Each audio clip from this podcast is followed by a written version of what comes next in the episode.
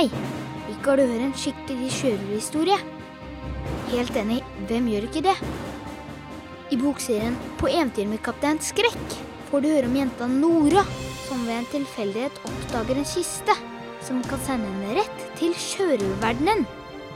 Og i denne verdenen er det akkurat slik som sjørøverhistorier skal være. Med sjørøverskuter, kanoner, sverd og skatter. Og ikke minst er sjørøveren som Nora treffer, kjent for å være den verste av sitt slag. Nei, nei, nei, ikke noe sortebil. Ikke tegneseriekrok eller sabeldamfjompen. Sjørøveren jeg snakker om, er mannen som får alle andre sjørøvere til å tisse i buksa. Jeg snakker om skrekk. Kaptein Skrekk.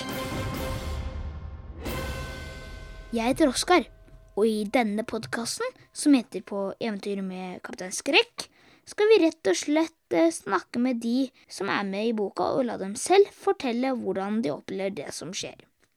I dag har jeg fått besøk i studio av ingen ringere enn sjefen selv, kaptein Skrekk.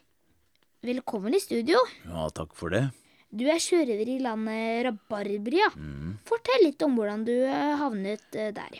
Jo, altså, eh, jeg havna jo i sjørøververden på akkurat samme måte som den jenta du snakker om, eh, Nora, bare mye før hun kom, da. Ja vel? Altså, eh, da jeg var liten, så lekte storesøsteren min og jeg eh, ofte gjemsel hjemme hos mammaen og pappaen vår. Eh, og så hadde det seg sånn at vi hadde en gammel kiste stående i stua. En veldig spesiell kiste med mange tannhjul og klokker og mye rart på utsiden. Og denne dagen, som jeg forsvant, så gjemte jeg meg rett og slett oppi den kista. Eh, Og så ble jeg jo veldig overrasket da, når det viste seg at denne kista fraktet meg rett til en annen tid. Den fraktet meg rett og slett til sjørøververden. Så du skulle egentlig bare gjemme deg for søsteren din?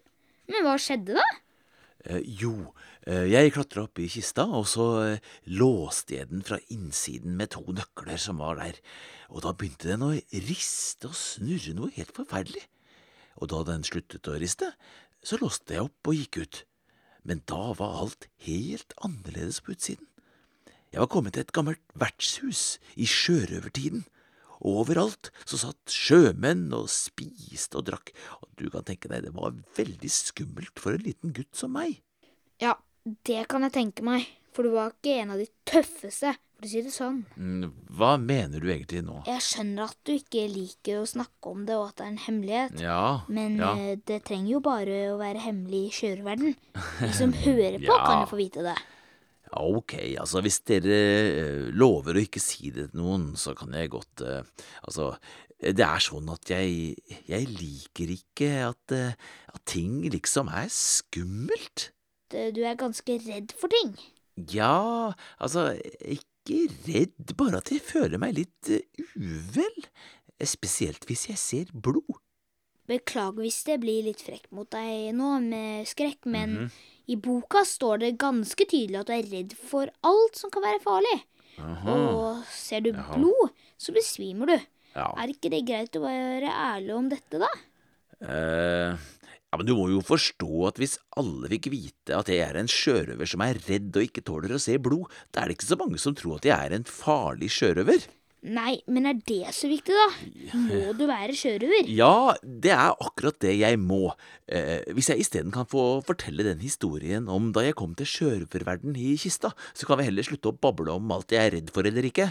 Ehm, fortell hvorfor du ikke bare reiste hjem mm. med en gang, Ja, men fortsatte å være i kjøretiden. Ja, akkurat. Altså, eh, først så forsøkte jeg å reise tilbake, men jeg skjønte kanskje ikke helt hvordan den kista virket. Eh, eh, samme hva jeg gjorde, så havna jeg på vertshuset eh, uansett, eh, og etter å ha sittet der litt, så kom jeg i snakk med noen sjømenn på det vertshuset. Eh, De kjøpte litt mat til meg, og da jeg fortalte at jeg ikke hadde noe sted å dra, så lot de meg få hyre på skuta deres, eh, som skulle seile østover til Tikka for å kjøpe krydder. Og så hadde det seg sånn at eh, styrmannen på skuta, han eh, led av kjærlighetssorg. Så da vi ankom Tikka, så ble jeg med ham til en trollmann som het Amygdala, og det ble sagt at han kunne kurere alle vonde følelser.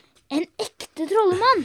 Ja, det skal jeg hilse og si, og etter å ha vært hos trollmannen, så ble styrmannen kvitt den kjærlighetssorgen og glemte gamlekjæresten på flekken. Problemet var bare at neste dag så forelska han seg i ei ny jente. Så da han skulle reise videre, så ble kjærlighetssorgen enda verre da han måtte forlate den nye kjæresten på brygga i Tikka. Det skjønner jeg. Uh, men uh, hva har det med at ikke du reiste hjem igjen, da? Jo, jeg spurte trollmann Amygdala om han også kunne kurere at jeg, eh, ja, da blir uvel når jeg ser blod. Eh, Han sa at hvis man ikke er redd for noe, så kan man heller ikke være modig. Var ikke det klokt sagt, da?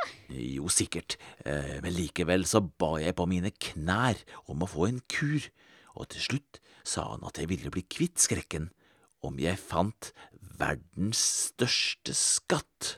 Aha. Så du ble igjen i sjørøvertiden fordi det fantes en skatt her som kunne gjøre at du sluttet å være redd for blod? Ja, ikke bare blod, eh, slutte å være redd for hva som helst. Har du funnet den skatten, da? Nei, eh, ikke ennå. Eh, Men jeg har jo det skattekartet, da.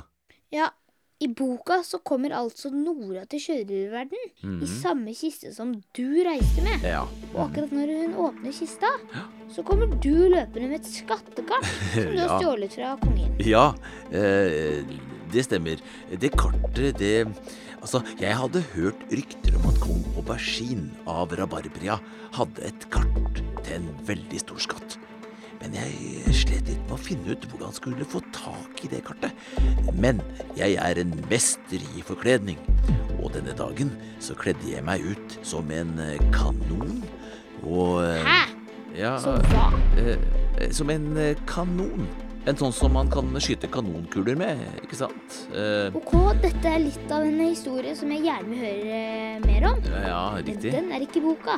Nei. Så hvis du Ja, lytterne, altså. ja, Mm, ja. Vi vite hvordan Kaptein Skrekk fikk tak i kartet, som første boka 'Skatten på Kokosøya' handler om, ja. så har du ikke noe annet valg enn å lytte videre.